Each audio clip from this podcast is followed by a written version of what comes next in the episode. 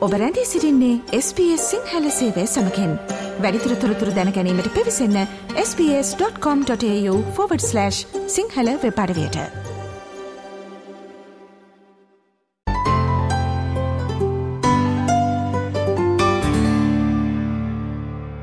යහපත් කාලගුණික තත්ත්වයක් තිබියදී බොහෝ ඕස්ට්‍රලයාන්වන් පික්නික් හෙවත් කෙටි චාරිකා සිදුකිරීමට කැමැත්තක් දක්වනවා.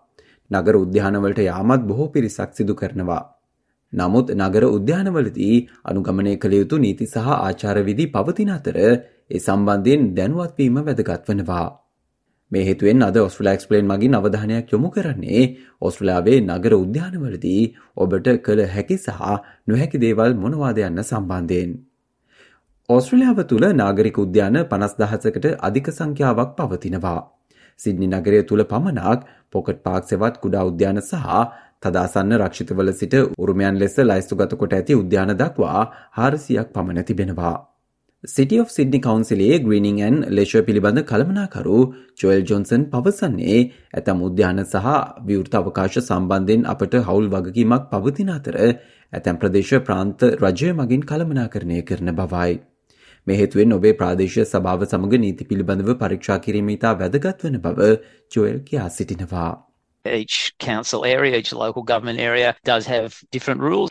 I think you would, in the main, find them very similar, but depending on where you visit in Australia, there may be different issues or, um, you know, facilities or things happening in that local government area. So, very important to check with your local council.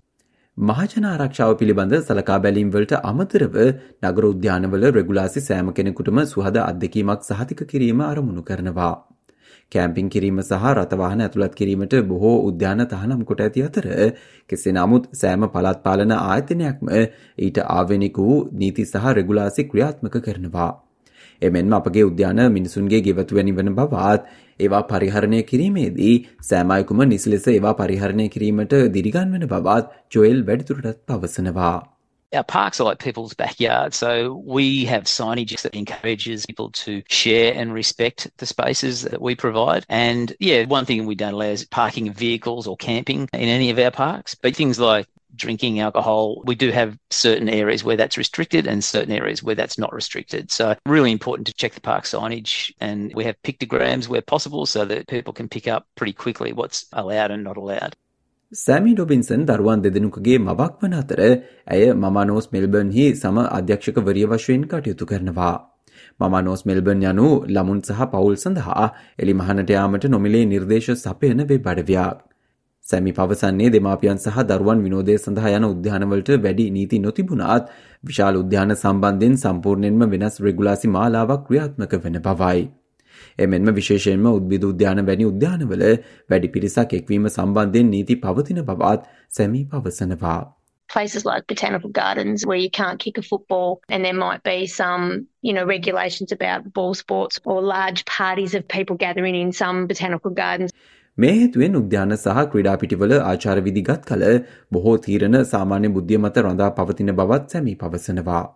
එමෙන්ම සැමි පෙන්වා දෙන්නේ ඔබට හැකිනම් ඔබේ කසල ඔබ සමඟ රැගෙනයාම කසල බඳුනක් සොයා ගැනීම පිටත්වයාමට පෙර ඔබ සිටින ස්ථානය පිරිසිදු කිරීම ළමයින් ඕනට සුදුසු ක්‍රීඩා උපකරන මත ක්‍රීඩා කරන බවට වග බලා ගැනීම දෙමාපියන් වශයෙන් සිදු කළ යුතු බවයි.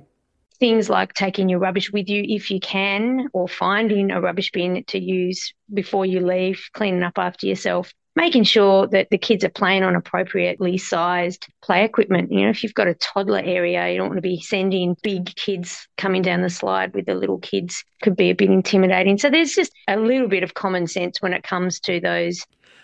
ඔබ ඔබේ දරුවාගේ උපන්දින සාදයක් පැවැත්වීම සඳහා ප්‍රාදේශීය උද්‍යානයක් තෝරාගත හොත් එහි සිටින සෙසු පිරිස සම්බන්ධයෙන් අවධානය යොමු කිරීමත් වැදගත් වෙනවා. මෙහිදී ශබ්දය පිළිබඳව සැලකිලිමත් විය යුතු අතර ළමුන් පිළිබඳ අවධානයෙන් සිටීම සහ සාදවලට රැගෙන යන භාණ්ඩ සෙසු පිරිසට කරදරයක් නොවන පරිදි පරිහරණය කිරීම පිළිබඳව සැලකිලිමත් වීම වැදගත් වන බව සැමී පෙන්වා දෙනවා.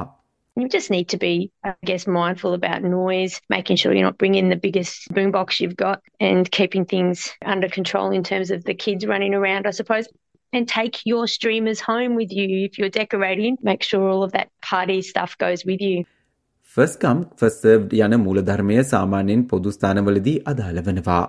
නමුත් බොහෝ උද්‍යානවල සෙවන සහිත පික්නිකේරයා සහ බාබකිව් සහිත ප්‍රදේශ කිහිපයක් පවතින අතර සෑම අයකුටම ප්‍රමාණවත් ලෙස ඒවා භාවිත කළ හැකි බවට එමගින් සහතික කරනවා.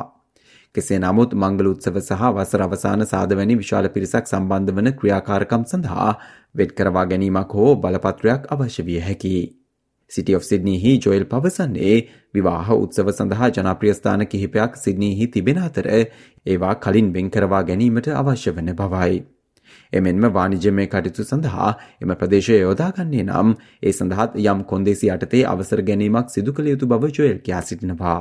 We have a few spots that are popular for weddings. So, for example, Observatory Hill Park is very popular for weddings, so you do need to book in those locations and events that would typically need approval are things that are going to have a major impact on the park or you know very large concerts or uh, markets or commercial activities where you're selling things. Those sorts of things need approval. And so a venue management team would consider what you're wanting to do. Say yes or no and then provide conditions of use if it's approved ඔබ භාභකිව් එකක් දැමීමට අදහස් කරන්නේ නම් දර ගිනි හෝ අඟුරු ගිනිඇවිලීම පිළිබඳව නීතිරීති සඳහා ගිනි තහනම් සලකුණු හෝ ප්‍රාදේශය සභා වෙබ් අඩවිය පරීක්ෂා කිරීම වැදගත් වනවා. ඔබගේ ප්‍රාන්තය හෝ ටෙරටරයේ ප්‍රාදේශය ගිනි අනතුරු ඇඟවීම් සහ තහනම් කිරීම පිළිබඳව පරීක්ෂා කිරීමත් වැදගත් වනවා. උද්‍යානවල යෝග්‍යතා හෝ ශරීර සුවතා පන්ති පවත්වන වෘතිය පුහුණුකරුවන්ට නගර සභාවෙන් අනුමතිය ලබා ගැනීමට අවශ්‍ය විය හැකි අතර ඇතැම් අවස්ථාවලදී ගාස්තුවක් පවා ගෙවිය යුතු වනවා. ස්කොට් හන්ඩ් යනු ප්‍රාන්ත තුනක එලිමහනේ සිදු කරන ශරීර යෝගතා පුහුණු සැසි සඳහා විශේෂිත වූ පුද්ගලික පුහුණු ව්‍යාපාරයක් වන ෆිට්නස් එන්හන්ස්මන්ට්හි නිර්මාතෘ සහ ප්‍රධාන විදායක නිලධාරයා වනවා. ස්කොට් බ්‍රිස්බේන් නගරේ බලපත්‍ර පද්ධතිය ක්‍රියාත්මක වන ආකාරය සම්බන්ධයෙන් පවසන්නේ ඔබ එකවර පුද්ගලින් දස දෙනෙකුට වඩා අඩු පිරිසක් බොහුණු කරන්නේ නම් ඔබට බලපත්‍රයක් අවශ්‍ය වන බවයි. නමුත් ඒ නොමිලේ වන අතර කෙසේ නමුත් පුද්ගලින් දස දෙනෙකුට වඩා සහභාගී වන්නේ නම් ඒ සඳහා මුදලක්ද ගෙවිය යුතු බව ස්කොට් පවසනවා. If you're training less than 10 people at once, say typical one on one, two on one personal training, you need a permit, but it's free. And then if you have a group of more than 10 people, such as a boot camp, then you do need to pay for a permit, and that's about $1,200 per year. Obviously, have a bigger impact on the environment and the community if you've got groups of 10 or 20 people. මහජන සෞඛ්‍ය සහ ආරක්ෂිත ප්‍රමිතීන් ආරක්ෂා කිරීම සඳහා අදාළ කවුන්සිල මගින් වාණිජ කටයුතු නියාමනය කිරීම සිදු කරනවා. එමෙන්ම පුද්ගලික පුහුණුකරුවන්ට සැබවින්ම සුදුස්කම් ඇතිද සහ ඔවුන් රක්ෂණය කර ඇද්ද යන පිළිබඳව පරීක්ෂා කිරීමට අදාළ බලපත්‍රය හිතුවනවා.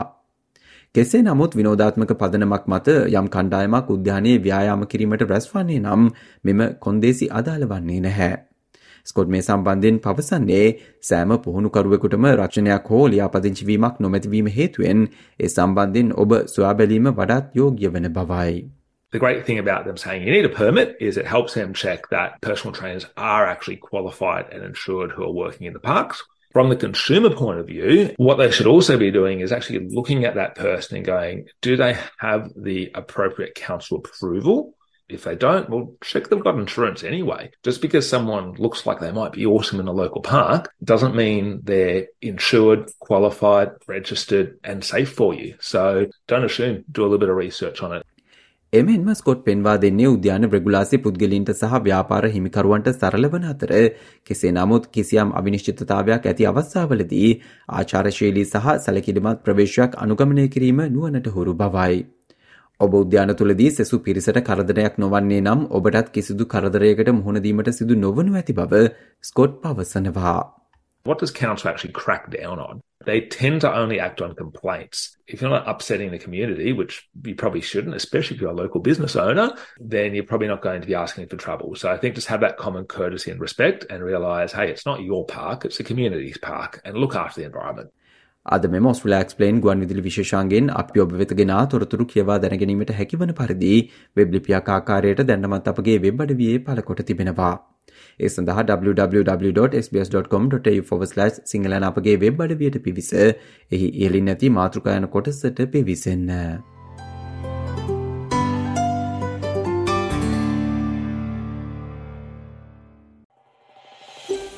මේ වගේ තවත්තොරතුරු දැනගන්න කැමතිද. එහෙමනම් Apple podcast Google podcast Spotify ඔබගේ පොඩ්කාස්ට ලබාගන්න ඕනෑම මාතයකින් අපට සවන්දය හැකේ.